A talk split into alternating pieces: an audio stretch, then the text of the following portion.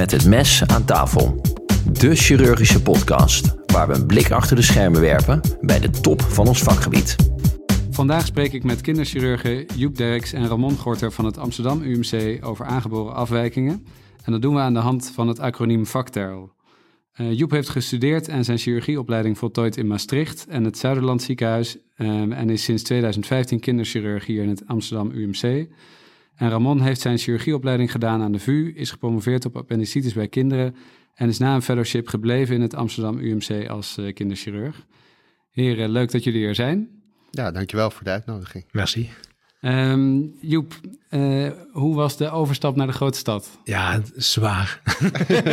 nee, nee, helemaal niet. Want Maastricht is natuurlijk een groot dorp en Amsterdam is een grote stad. Maar we wonen niet in Amsterdam, we wonen in een dorp hier in de buurt, Lude aan de Vecht. Ja. Dat bevalt supergoed. Uh, en de patiëntenpopulatie waar we mee te maken hebben, kinderen en zieke kinderen en ouders die daarbij horen, die is in Maastricht en Amsterdam precies hetzelfde. Ja, en mis je, mis je Maastricht of Limburg wel eens? Ja, zeker. Ja, vooral, maar dat proberen wij hier te brengen. Oh, precies, ja, heel goed. En uh, Ramon, hoe ben jij bij de kinderchirurgie terechtgekomen? Ja, dat is bij mij eigenlijk al heel vroeg begonnen. Dat was tijdens mijn tweede studiejaar van geneeskunde. Toen hadden we een verdiepingsstage en die heb ik toen gedaan bij de toenmalige hoogleraar professor Heij. En uh, eigenlijk toen zo enthousiast geworden dat ik... Uh, ja, dat ze me niet meer weg konden slaan hier bij de kinderchirurgie. En dus toen had je al het idee dat je die kant op wilde? Ja, ja. En, en toen ben je, um, je hebt een GE-differentiatie gedaan, jullie allebei geloof ik hè? Ja, ja. En dan heb je, hebben jullie allebei zes maanden kinderchirurgie tijdens de opleiding gedaan? Of hoe? Ja, ik wel. Dus tijdens mijn opleiding in de differentiatie ben ik GE en ja, chirurg bij kinderen geworden. Ja. En toen dat afgerond was, ben ik, heb ik hier eerst een fellowship gedaan van ja. twee jaar. Bij mij fietsen dat gewoon een beetje door elkaar heen. Dat was nog net het jaar voordat je heel formeel moest differentiëren. Ja. Dus ik heb officieel een aantekening GE-chirurgie met chirurg bij kinderen. Maar eigenlijk kon ik in Maastricht helemaal mijn gang gaan. En als er een leuk GE-programma was, ging ik dat doen. En als er een leuk endo-programma was ik mocht schildklieren doen, dan ging ik dat doen.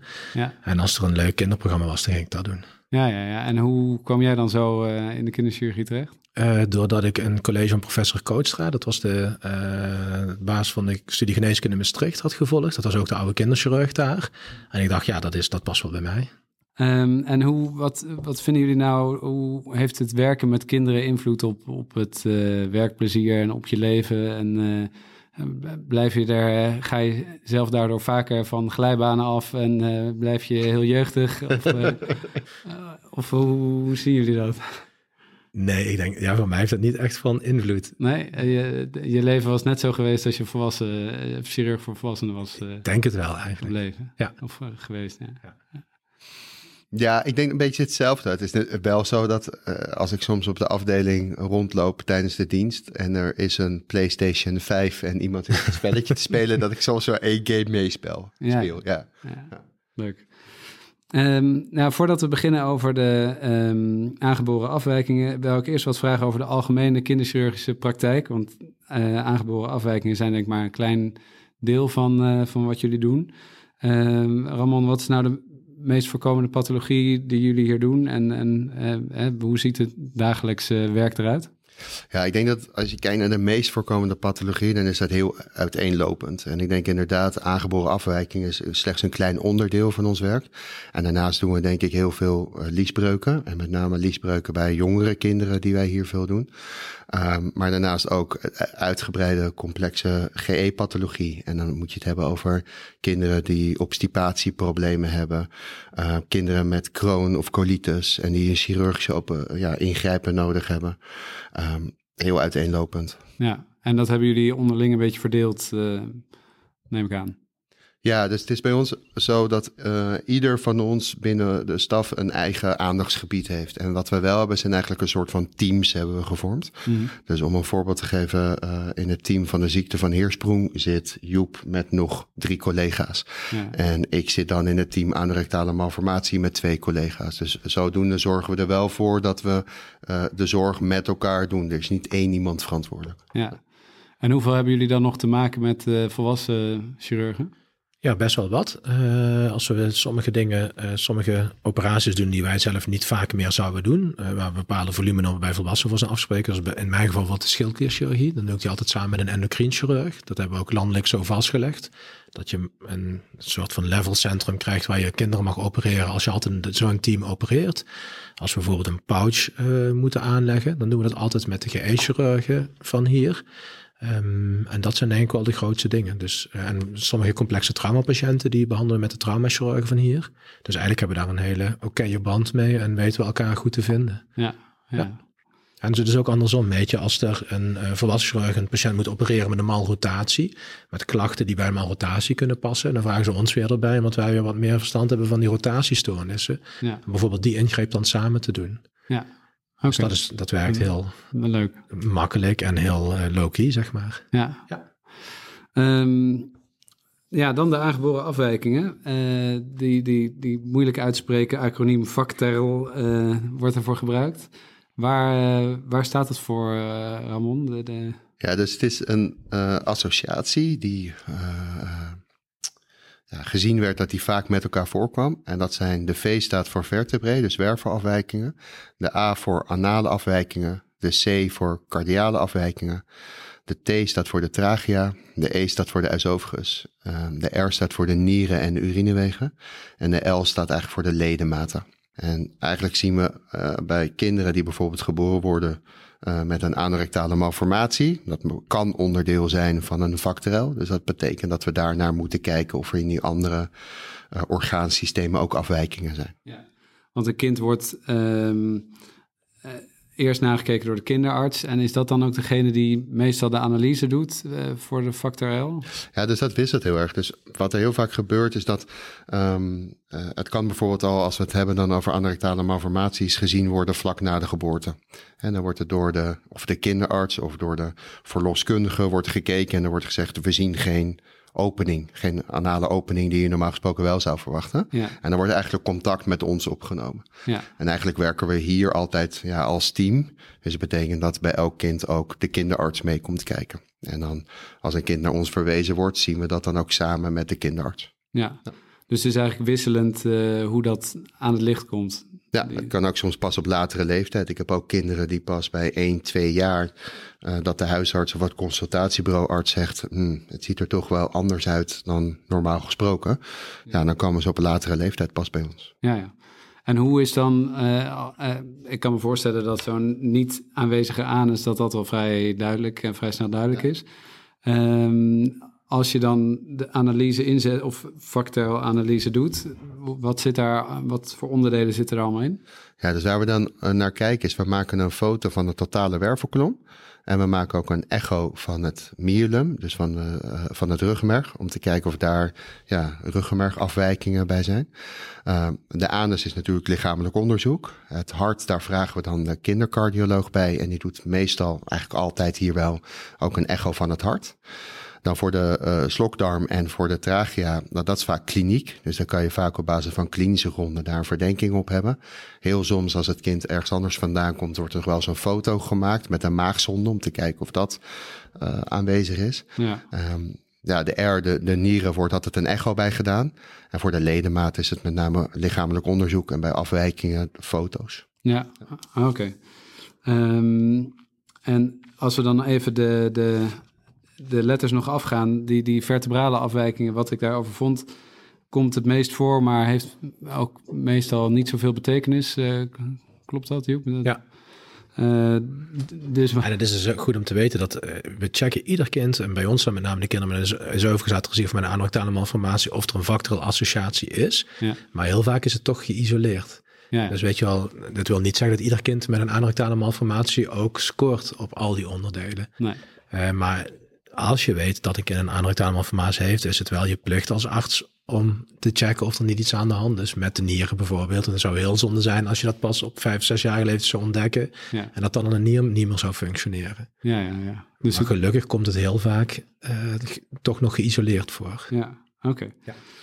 Um, nou, en anusatresie, ik, ik vond dat um, ja, eigenlijk 50 tot 90 procent uh, van de kinderen die dat heeft, die, die wordt eraan geopereerd. Daar gaan we het zo nog uh, uh, verder over hebben. Uh, die cardiale afwijkingen, nou ja, dat, dat, zal, uh, dat zal niet bij, op jullie bordje terechtkomen, denk ik. Dat gaat naar de kindercardio. kindercardioloog. Um, en dan de, nou, de esophagus atresie en esophagus fistels, um, dat is ook jullie, uh, jullie ding. Um, en de problemen van de nieren, dat gaat naar de kinderuro. Ja, of de, ne de nefro, of een beetje afhankelijk van wat er gevonden wordt. Ja, oh ja. En de ledematen, hoe zit dat? Uh... Ja, daar komt vaak de plastisch chirurg bij. Ja. Dus wanneer er echt bijvoorbeeld hand, het kan best zijn dat er een duimhypoplasie is of een radiale hypoplasie of zelfs aplasie dat helemaal niet aanwezig is. Ja. daar komt met name ook de plastisch chirurg uh, en eventueel de revalidatiearts uh, en de kinderarts. Daar komt vaak het hele team ook bij. Ja, um, dus eigenlijk als we dat, dat acroniem zo bekijken, dan zijn er twee dingen die, die het meest belang zijn voor de kinderchirurg. En dat is de anusatresie en de esophagus Ja, klopt. En voordat we dan opereren, willen we bijvoorbeeld wel altijd die echo van het hart hebben. Uh, om zeker voor de anesthesist, weet je wel, te zorgen dat alles in orde is. Dus wij checken wel die dingen, die andere dingen heel actief mee. Ja. Um, maar inderdaad, dat zijn geen dingen die we dan vervolgens gaan behandelen. Maar we willen wel dat ons kind zo goed mogelijk de operatie ingaat en uitkomt. Dus dan willen we bijvoorbeeld dat meermaal een echo van het hart. Liefst ook een echo van de nieren, dat die wel gemaakt zijn van tevoren. Ja, ja. Maar wat wij daarna zelf gaan behandelen, dat zijn de kindjes met een anusatresie en een esophagisatresie. Ja. Uh, ja, dan wou ik nu wat meer ingaan op die anusatresie. Uh, 1 op de 5000 geboortes vond ik, en net zoveel bij jongens als uh, bij meisjes. Um, en wat voor vormen zijn er eigenlijk van uh? Het, het is meer jouw ding, geloof ik, toch? Dat is ja. ja. ah, ik denk dat Joep er ook heel veel vanaf weet, hoor. Laten, ja, we, dat ook, Laten we dat ook zeggen. Kijk, vroeger... Als je kijkt naar een, een, een anusat, vroeger werd het ook wel anusatresie genoemd. Nu noemen we het meer anorectale malformaties. En eigenlijk is het een heel breed spectrum. En een spectrum waarbij je een onderdeel hebt waarbij er veel voorkomende varianten hebt. En dan kijken we bijvoorbeeld naar een uitgang op het perineum of een uitgang naar de urinewegen toe. Uh, soms zelfs naar de blaas toe bij jongetjes. En bij meisjes kan het zijn dat er een verbinding is met ook weer naar het perineum of naar het vestibulum. En daarin heb je ook nog een speciale of een zeldzamere vorm en dat is de cloacale afwijkingen bij meisjes. Dat het eigenlijk één opening is. Ja. En daarnaast heb je ook nog de zeldzame varianten daarvan. Maar dan praat je over types die echt, nou ja, één keer in je carrière of misschien uh, twee keer in je carrière voorkomen. Ja. En dat zijn bijvoorbeeld uh, rectumatresie of pouchcolons of haarfistels of rectovaginale fistels. Maar eigenlijk zijn het allemaal uitingen van uh, ja, ergens in de embryologie waar het misgegaan is. Ja. Dus laag komt dan meer voor dan hoog. Uh... Ja, vroeger werd er heel erg gedacht laag en hoog. Uh, eigenlijk hebben, zijn we daar een beetje nu van afgestapt. En kijken we meer naar welk type, waar loopt de vistel precies naartoe.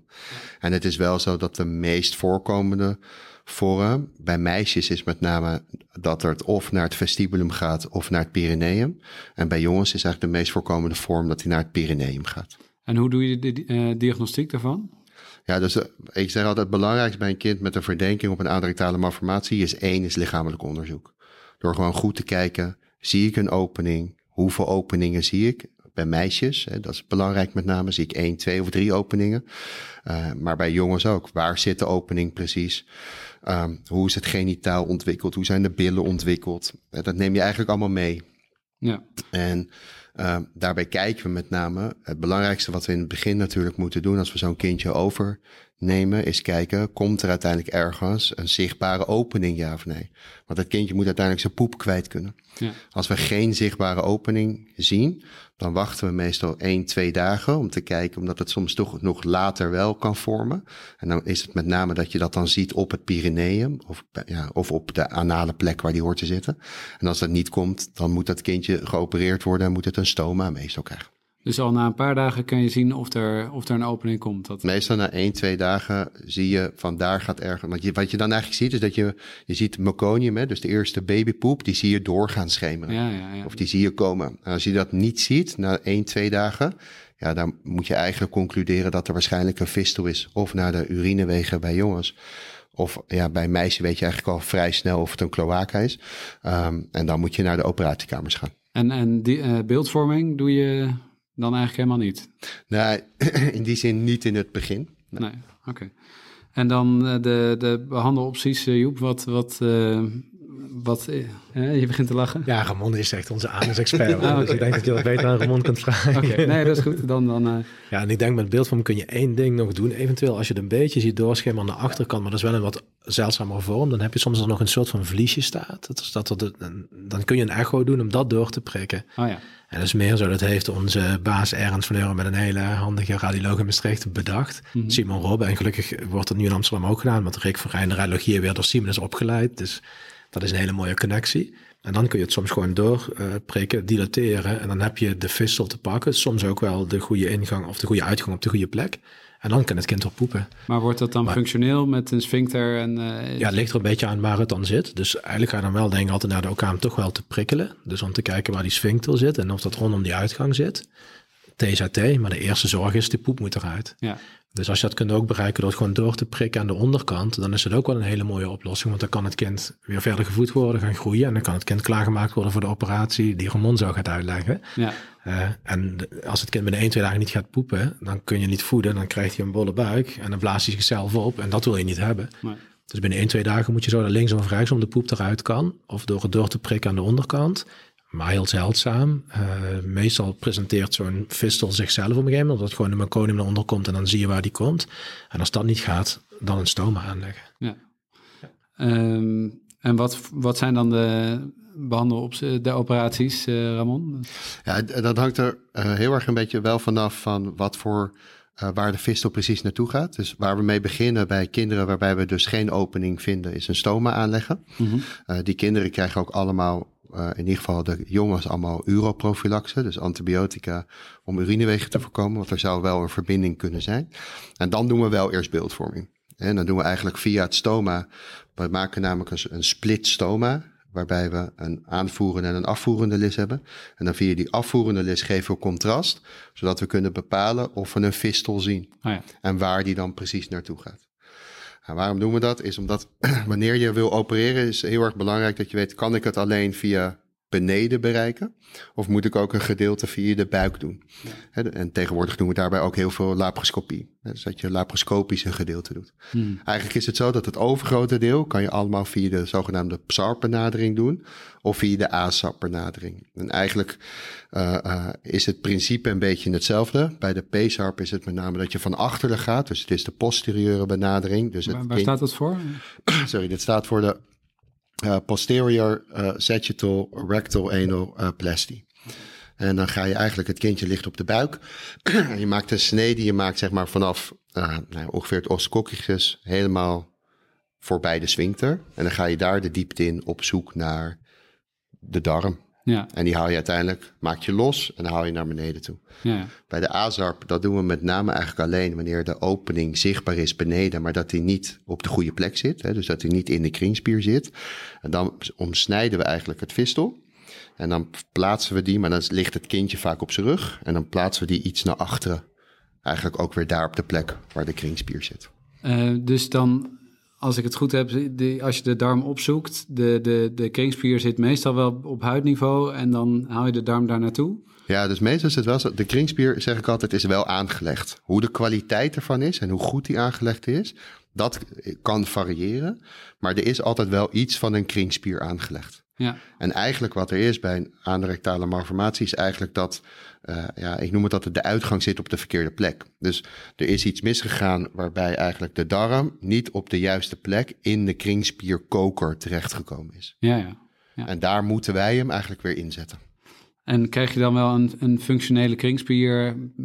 Werkt het allemaal goed als je dat... ja, dat, eh, da- daar kom je eigenlijk al meteen met een hele goede vraag. En dat de prognose, de uitkomst is vaak heel lastig te voorspellen. Er zijn allerlei modellen waarbij we wel en, en ook rekening houden met andere afwijkingen.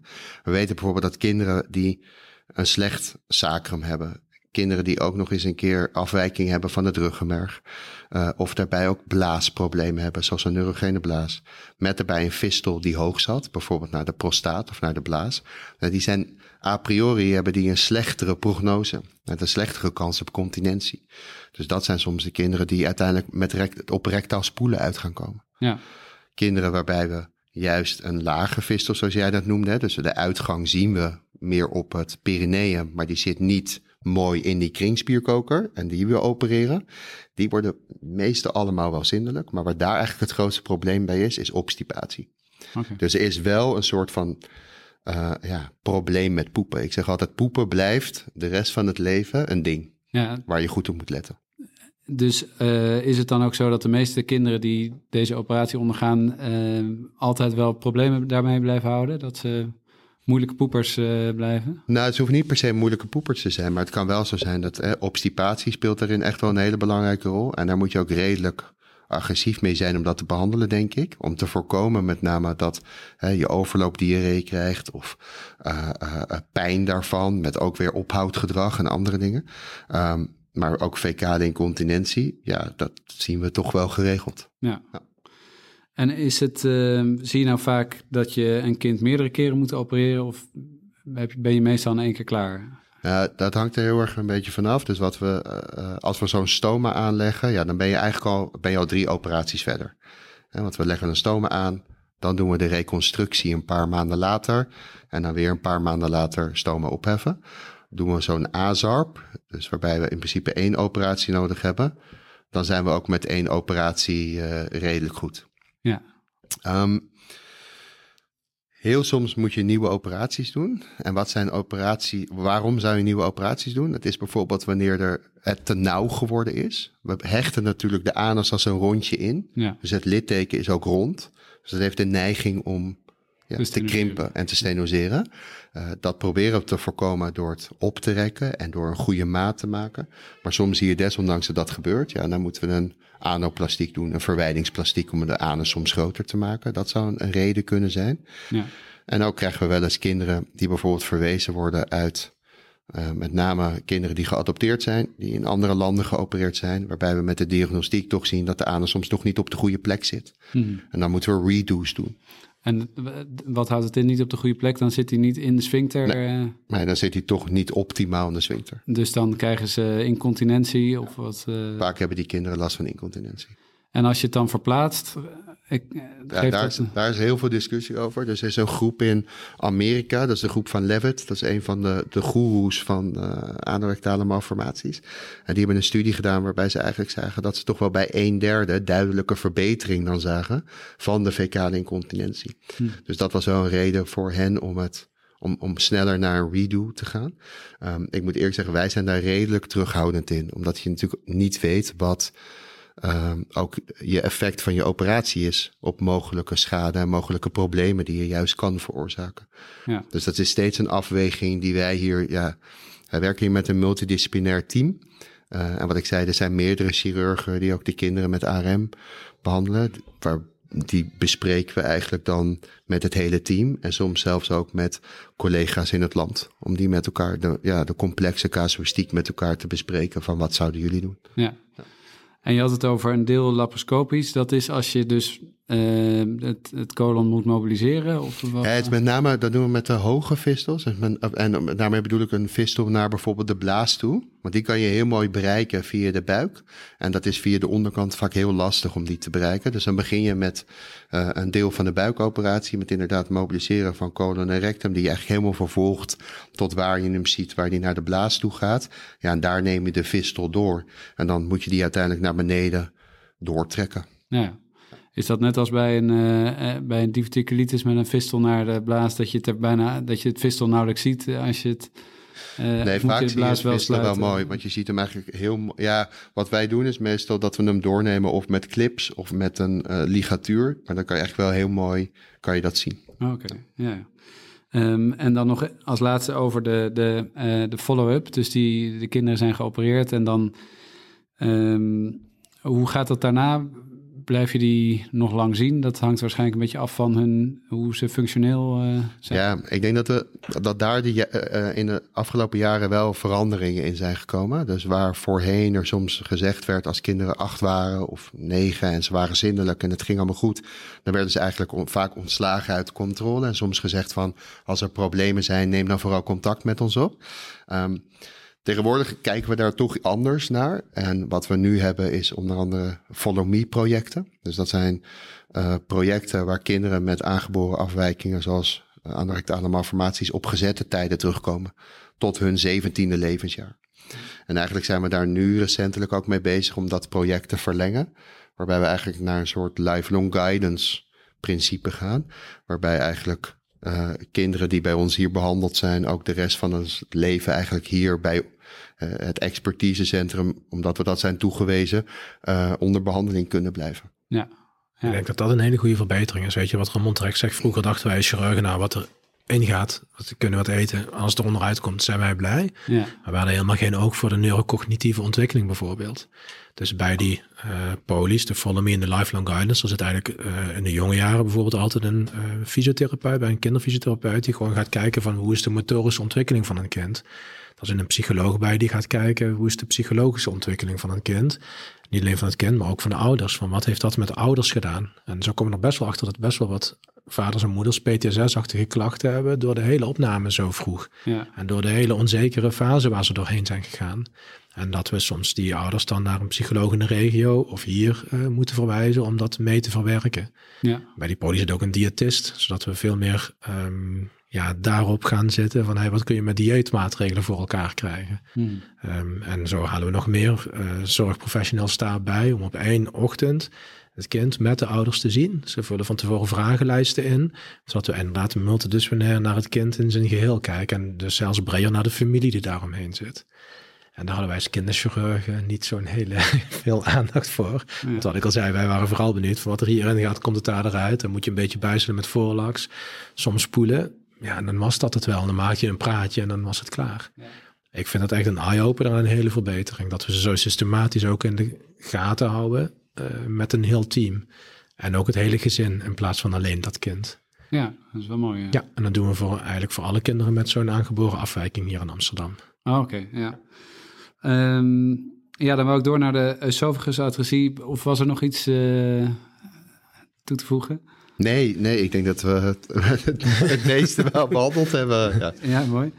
Um, want esophagusadresie, dat, dat komt iets vaker voor, zag ik. 1 op de 3000 uh, geboorten. Ja, is dat zo? Ja, ik denk ongeveer hetzelfde. Ja, toch? eerlijk ben. Het ligt allemaal, kijk, allemaal ligt het zo rond de 1 op de 5, uh, 5000. Dat is wat we hebben. In Nederland zijn het ongeveer, denk ik, 30, uh, 30 tot 40 kinderen per jaar die Oké. daarmee geboren worden. Ja. Dat is voor bijna al die aandoeningen. Dus ook voor de ziekte van hiersprong, voor bepaalde buikkanteffecten. Dat is eigenlijk allemaal diezelfde range. Ja. Ja. En Joep, wat, uh, welke vormen van esophagusadresie uh, zijn er? Ai. ja, ik zit ook niet in het esophagesclubje.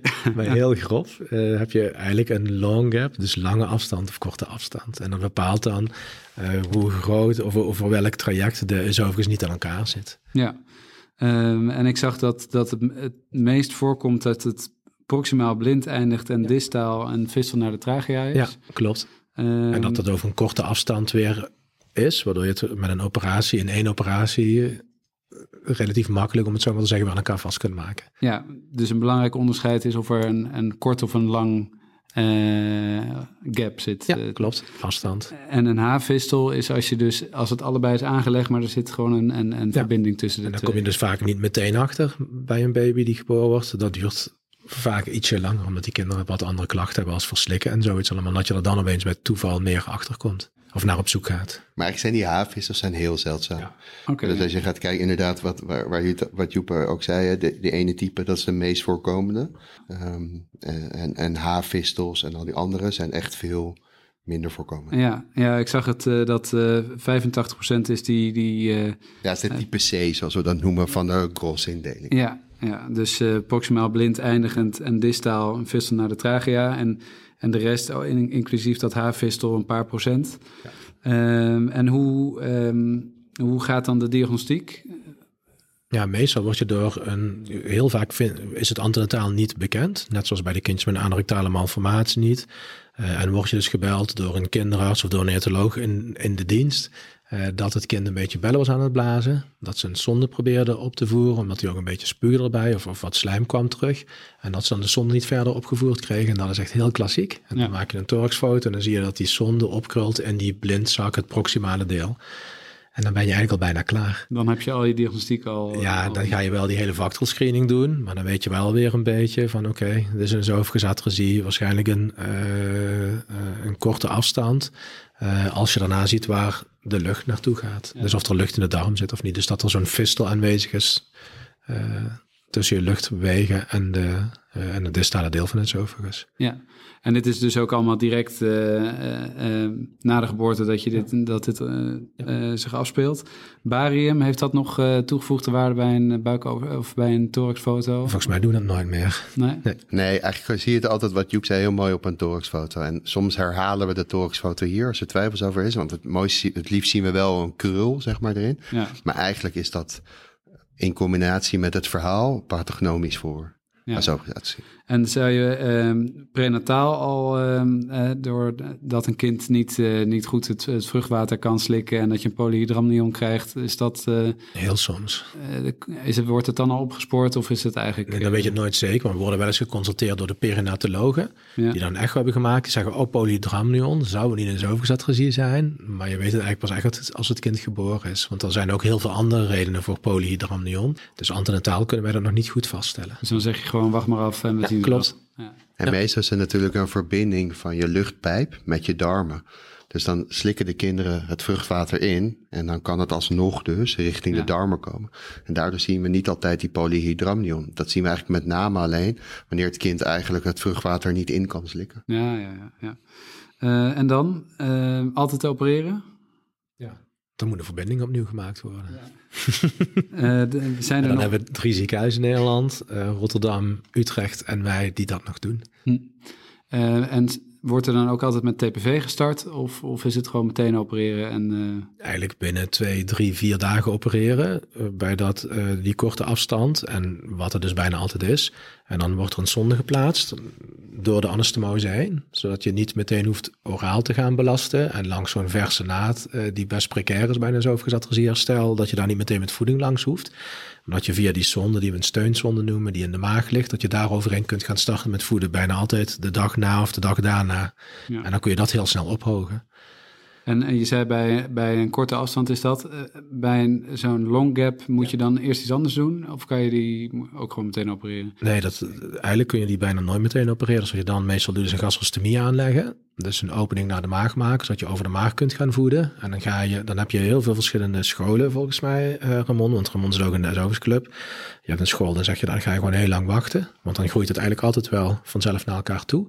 Maar als het te groot is, dan moet je iets anders gaan doen. En dan kun je of met steunhechtingen, een fokertechniek heet dat, eh, proximaal en distaal zetten. Die aan de buitenkant eindigen, waardoor je elke paar dagen dat aantrekt. Waardoor je hem eigenlijk eh, op spanning een beetje naar elkaar toe brengt en het dan elkaar vastnaait. Eh, of je kunt een interpositie doen eh, van maag of van een stuk darm. Eh, en dat wordt tegenwoordig bijna niet meer gedaan. Dus meestal ofwel afwachten en gewoon het kind laten groeien. En dan komt het ook wel bij elkaar ooit, maar dat kan echt zes, acht weken duren. Of je gaat het met zo'n fokertechniek onder spanning naar elkaar toe laten komen.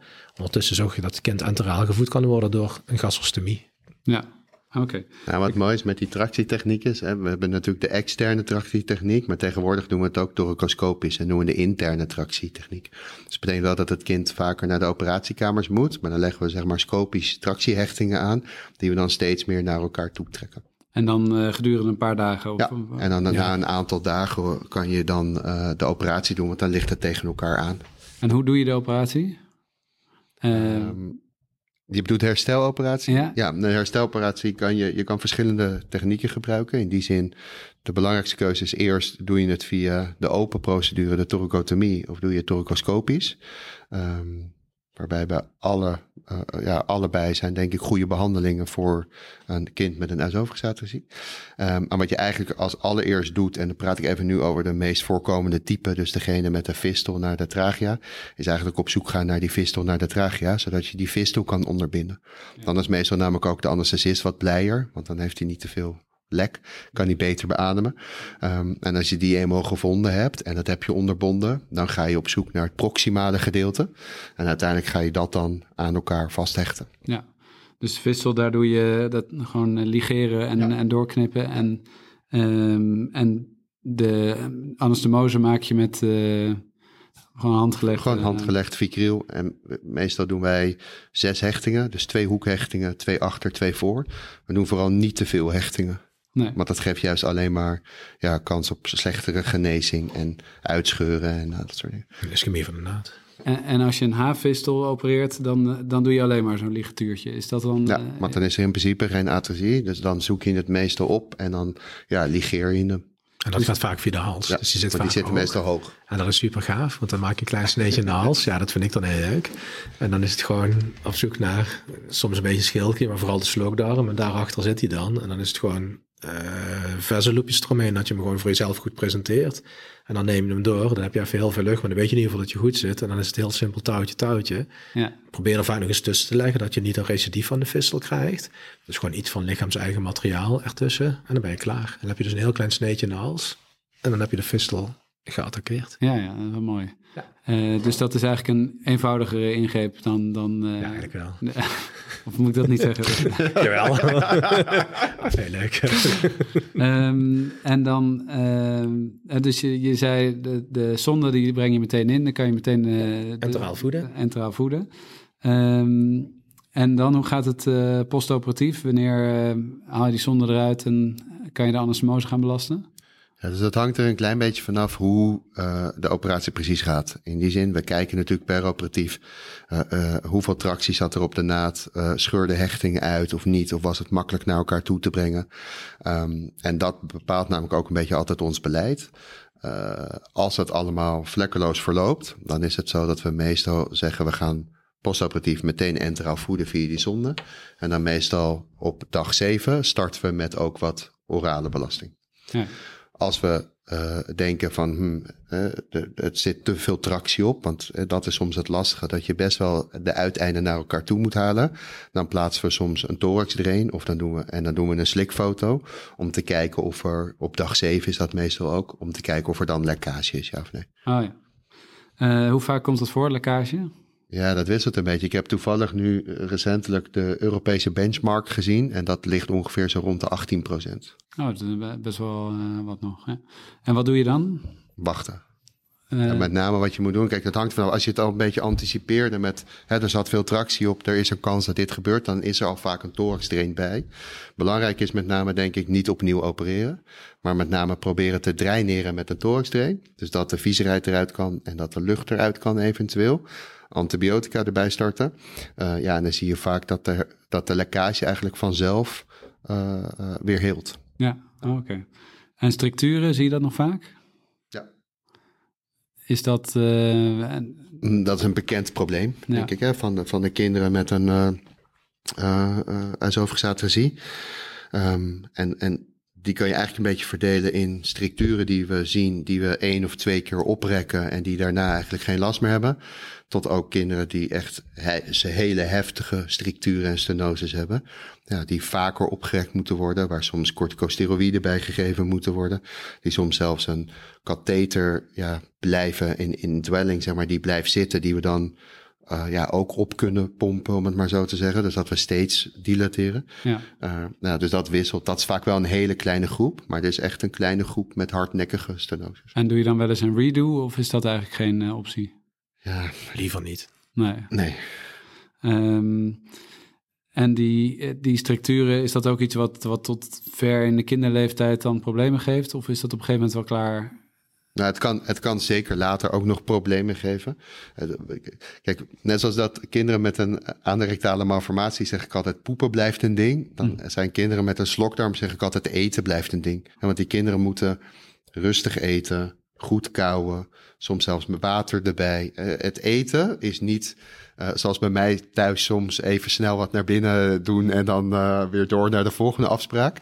Nee, dat, moet, ja, dat heeft echt rust nodig. Nee. Dus ik krijg ook wel eens kinderen die bijvoorbeeld komen waarbij er opeens een stuk kip of een stuk vlees vastzit. Omdat natuurlijk ook die motiliteit van die slokdarm niet goed is. En dan zit het vast. Ja, dan moet het er soms door de MDL-arts uitgehaald worden. Mm-hmm. Dan is het wel zo dat als een kind dat heeft gehad, we altijd een slikfoto maken om te kijken, zit er dan een stenose bij of niet. Uh, soms kunnen ze met een scopie dat al gezien hebben. Uh, maar als ze dat niet gezien hebben of niet zeker weten, dan doen we nog een slikfoto om dat uit te sluiten. Ja. Ik zag ook dat ze veel pulmonale problemen hebben, dat dat uh, postoperatief ook een groot probleem is. Ja. Zien jullie dat ook? Ja, niet, niet per se positief, maar in die volemie-poli zit bij ons wel altijd en de MDL-arts ook erbij. Vanwege die, het in kaart brengen van die slowdown, de motiliteit en de eventuele structuren ter plaatse van anastomose. Eh, maar ook een longarts. Want we Oh. zijn wel wat gevoeliger voor uh, bronch- of en soms is die fistel, als je die net niet goed mooi eh, doorneemt op de plek waar die luchtpijp zit, dan ontstaat daar weer een poutje, krijg je daar weer ophoping, krijg je wat meer luchtweginfecties. Eh, dus in ons team in de nazorg voor kinderen met een esophagatresie, daar heeft de longarts wel een belangrijke plek. Ja, ja. Oh, dus dat komt waarschijnlijk doordat eh, de plaats waar het vistel heeft gezeten, dat daardoor pulmonale... Ja, en door de malassie Ja. van die luchtwegen. Dus die functioneren gewoon ook niet zo zoals het hoort. Zitten soms wat veel, veel te snel dicht. Heel soms moet je daar dan weer een operatie voor doen om een PEC te doen bijvoorbeeld. Om gewoon heel simpel het lumen meer open te zetten. Ehm, dus daar moet je conservatief nog aan denken. Ja. Ehm, meer dingen die we hierover moeten bespreken? Voordat we naar duodenum-atresie eh, gaan. Ja, we kunnen uren praten over van alles, maar Nee, maar ik denk dat, dit- dat we het belangrijkste hier wel over gezegd hebben. Ja. Ja. Want dan, ehm, eh, de duodenum-atresie, daar hebben jullie recent een artikel over eh, uitgebracht. Ehm, en ik las dat de duodenum-obstructie eigenlijk, hè, want dat is hoe, het, hoe jullie het daarin genoemd hebben, eh, dat er gekeken werd naar een relatie tussen dat en cardiale afwijkingen en trisomie 21. Ehm, moet de duodenum-obstructie worden toegevoegd aan de factor L? eh? Ja, wat vind je zelf? Heb je ons artikel gelezen? nou, het leek erop van niet eigenlijk. Nee, Dat- vind ik ook. Waar we, waar we dat artikel mee begonnen zijn, is met de observatie dat in onze groep van acht kinderchirurgen er twee scholen waren. Eh, de ene school zei van als je een kind met een duodenale obstructie hebt, maar noem het maar duodenematrosie, dan moet je altijd van tevoren een echocore maken, want pas op, ze kunnen iets aan hun hart hebben. En de andere zei van ja, dat hoeft eigenlijk helemaal niet. En die zei dan ja, misschien als kindjes stroom van Down hebben, dan moet je er wel aan denken. Ehm, en ik vind het grappig dat wij in Amsterdam zijn en te denken van ja, eh, er zijn twee scholen, maar wat is nou waar? Dan ga je heel snel even een PubMed kijken. Nou, weinig over geschreven. Nou, we hebben gelukkig een hele grote database waar we al onze kinderen hebben eh, zitten die we op babyleeftijd geopereerd hebben. En we hebben gelukkig altijd enthousiaste PhD-studenten rondlopen die we eigenlijk heel simpel kunnen zeggen, jongens, dit is ons probleem. Zoek jullie nou alsje- alsjeblieft eens een keertje uit hoeveel geassocieerde afwijkingen zijn bij kinderen met een duodenematrosie. En laat daarbij met name op de cardiale afwijkingen, maar ook eens op die factoral afwijkingen. Dus die zijn erin gedoken. En dan kwamen we dus erachter dat er best wel veel, ongeveer grofweg een derde van die kinderen met een duodenale obstructie, congenitaal, eh, dat die een cardiale comorbiditeit hadden, waar we ook best wel vaak iets mee moest.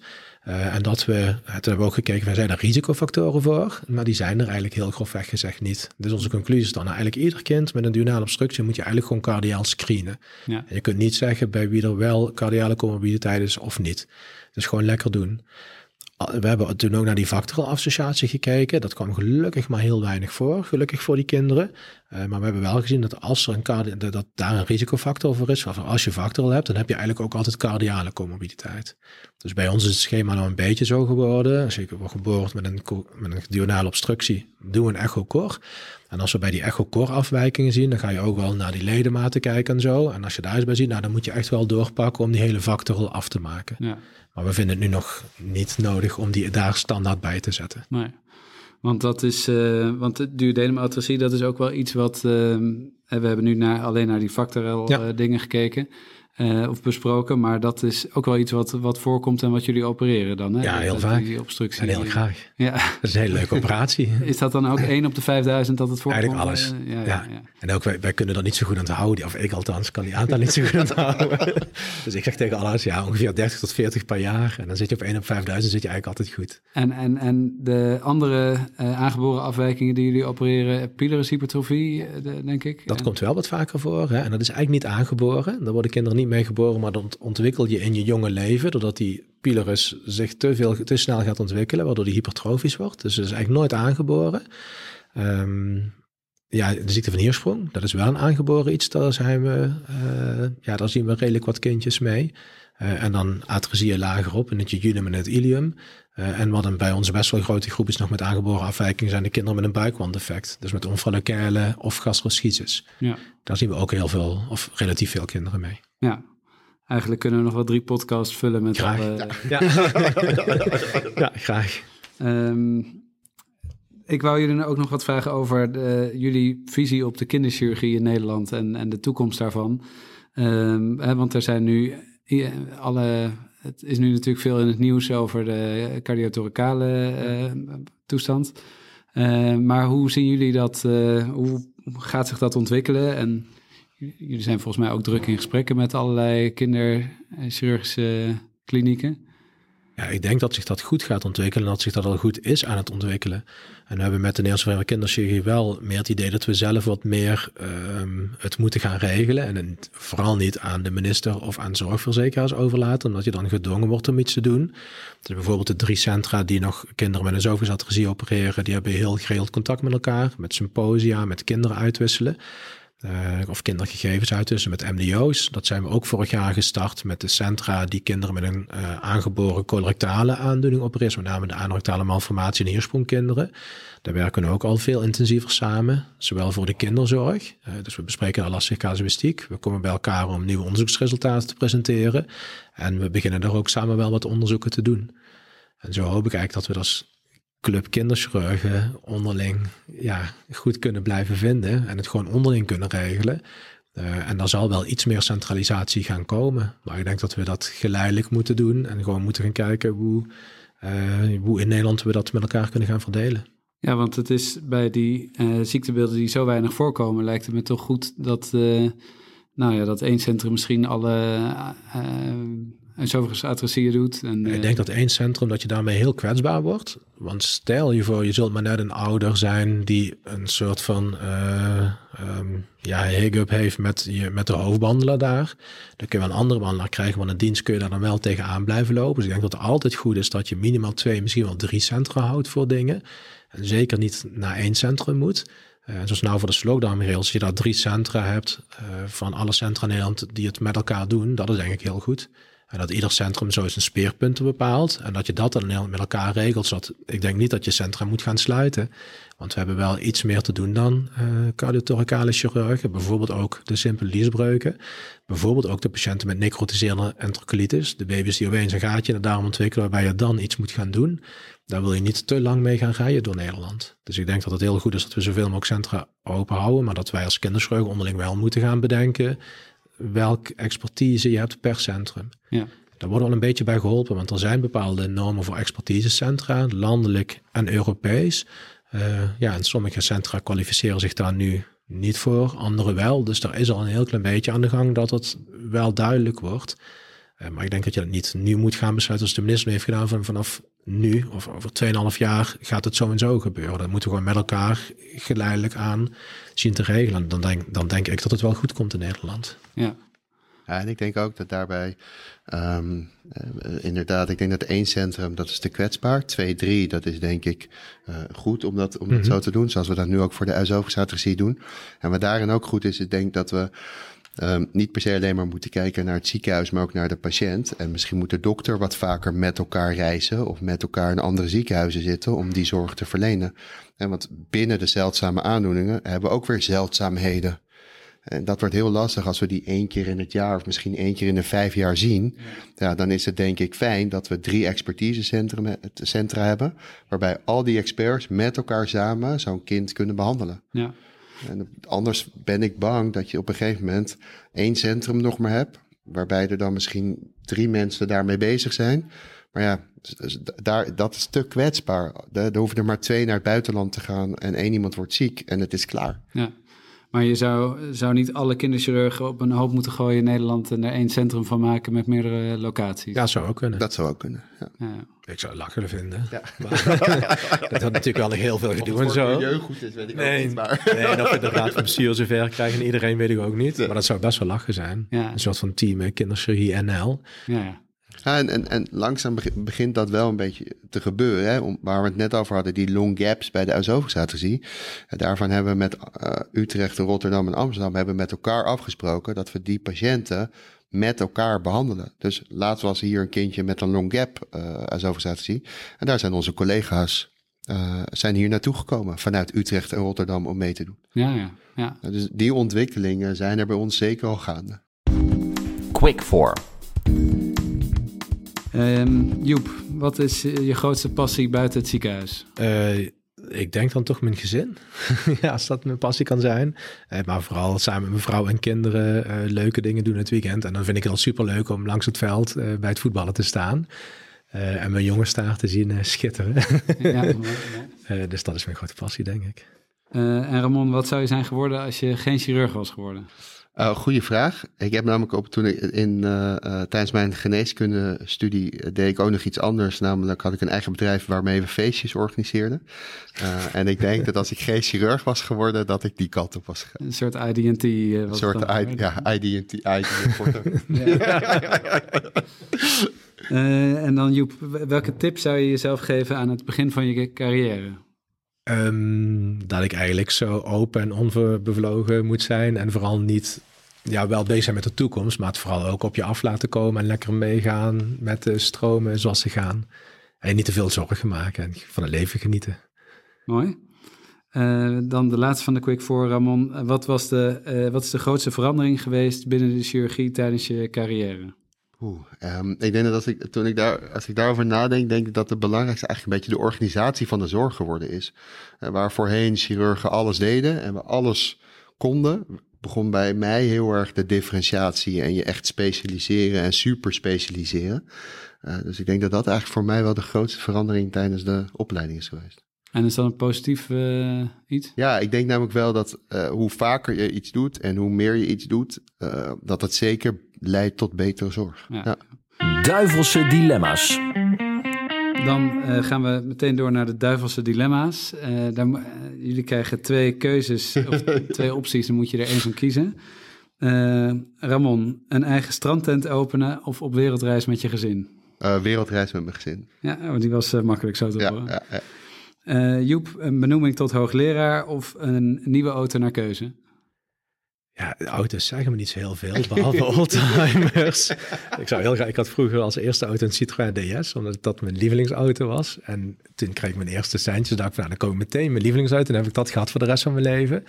Die heb ik toen weg moeten doen, omdat die ook een beetje begon te roesten. Citroën. maar die zou ik heel graag terugkopen, maar alle andere auto's zeggen me niet zoveel. Uh, dus dan wordt het hoogleraar. Maar als ik zo'n DS zou mogen krijgen, dan een DS eigenlijk. um, Ramon, 1 miljoen euro aan uh, speelfaciliteiten voor de kinderafdeling of 1 miljoen euro voor onderzoek? Um, ik ga er voor 1 miljoen euro voor onderzoek. En dat is omdat ik denk dat onderzoek bij kinderen, uh, en met name voor kinderchirurgische, uh, is vaak toch nog lastig te krijgen. Uh, waar daarentegen, uh, om het maar zo te zeggen, hoe heet dat ook alweer? Um, kinderstad in de VU, daar, daar is makkelijk, makkelijke sponsoring voor te regelen. Dus dan zou ik nu gaan voor 1 miljoen voor onderzoek. Ja. En Kinderstad in de VU, wat uh, kort? Ja, Kinderstad, dat was, dat was eigenlijk een soort één grote speeltuin in de VU. Dat voor een gedeelte door sponsoren betaald werd. Uh, waar kinderen uh, die daar opgenomen lagen, maar ook kinderen die op bezoek waren of van familieleden, ja, eigenlijk daar gewoon konden spelen. Het was een soort smalland van Ikea, maar dan Kinderstad van de VU. Ja, wat leuk. Joep, nooit meer onderzoek of nooit meer opereren? Uh, ja, ik wil altijd opereren, dus dan nooit meer onderzoek. Okay. um, Ramon, één groot kinderziekenhuis Nederland of een beter internationaal samenwerkingsverband? Uh, beter internationaal samenwerkingsverband. Mooi, en dan als laatste, Joep, uh, die zag je waarschijnlijk al aankomen. Limburg of Loenen? Ja, Limburg. dat is ook makkelijk. Ja. Um, nou, dan als, als laatste wou ik vragen of jullie nog een take-home message hebben of iets wat, uh, waarvan jullie nog willen benadrukken wat we besproken hebben, wat iedereen zeker moet onthouden van, uh, van deze podcast. Ja, een take-home message um, is wat mij betreft een beetje wat ik misschien in het begin al zei. Wat ik uh, best wel merk is dat heel veel, en dat gaat helemaal niet over de kinderchirurgie, maar dat heel veel uh, assistenten in de chirurgie, ANEOS'en, AIOS'en, maar zelfs al geneeskundestudenten ongelooflijk bezig zijn met hun uh, cv zo goed mogelijk te krijgen. Voor een deel ook denk ik uit heel uh, persoonlijke interesse, omdat ze hartstikke gemotiveerd zijn, nieuwsgierig zijn en zoiets. Maar deel ook denk ik omdat dat van hen verwacht wordt, of omdat mensen denken dat het van hen verwacht wordt. En als je eerst als geneeskunde bent en dan al komt aankloppen van ik moet onderzoek doen, Joep, want anders kom ik later niet bij die en die droom. En dan denk ik van joh, dat dat hoeft helemaal niet, weet je. Dus ik zou vooral iedereen willen aanraden om vooral ook te genieten van het leven en naar de leuke dingen te kijken, in plaats van je alleen maar druk te maken om je cv. En ik denk als je een goede dokter bent en je bent gewoon uh, van jezelf dus intrinsiek gemotiveerd en geïnteresseerd in mensen, um, dat je er dan ook gewoon heel goed kunt komen. Ja, mooi. Ramon, jij nog iets? Uh... Ja, nou, ik sluit me daar zeker bij aan. Dat is ook iets, dat natuurlijk een beetje onderwerp van, van, van, van Joep en mij zijn, omdat we daar ook een cash onderwijs over geven. Uh, en ik sluit me daar volledig bij aan en uh, zoek je passie. Ik denk dat dat het belangrijkste is. En laat je vooral niet leiden door wat er moet, maar zoek iets waar jij intrinsiek gelukkig van wordt. Binnen de geneeskunde of buiten de geneeskunde, wat er dan ook is. En, en ga daar vol voor. Hm, mooi. Nou, dat is een mooie afsluiter, denk ik. Uh, heren, hartstikke bedankt voor, voor jullie komst. En uh, het was een leuke en leerzame aflevering, denk ik. Dankjewel. Ja, merci Victor. Dit was Met het Mes aan tafel. Tot de volgende keer.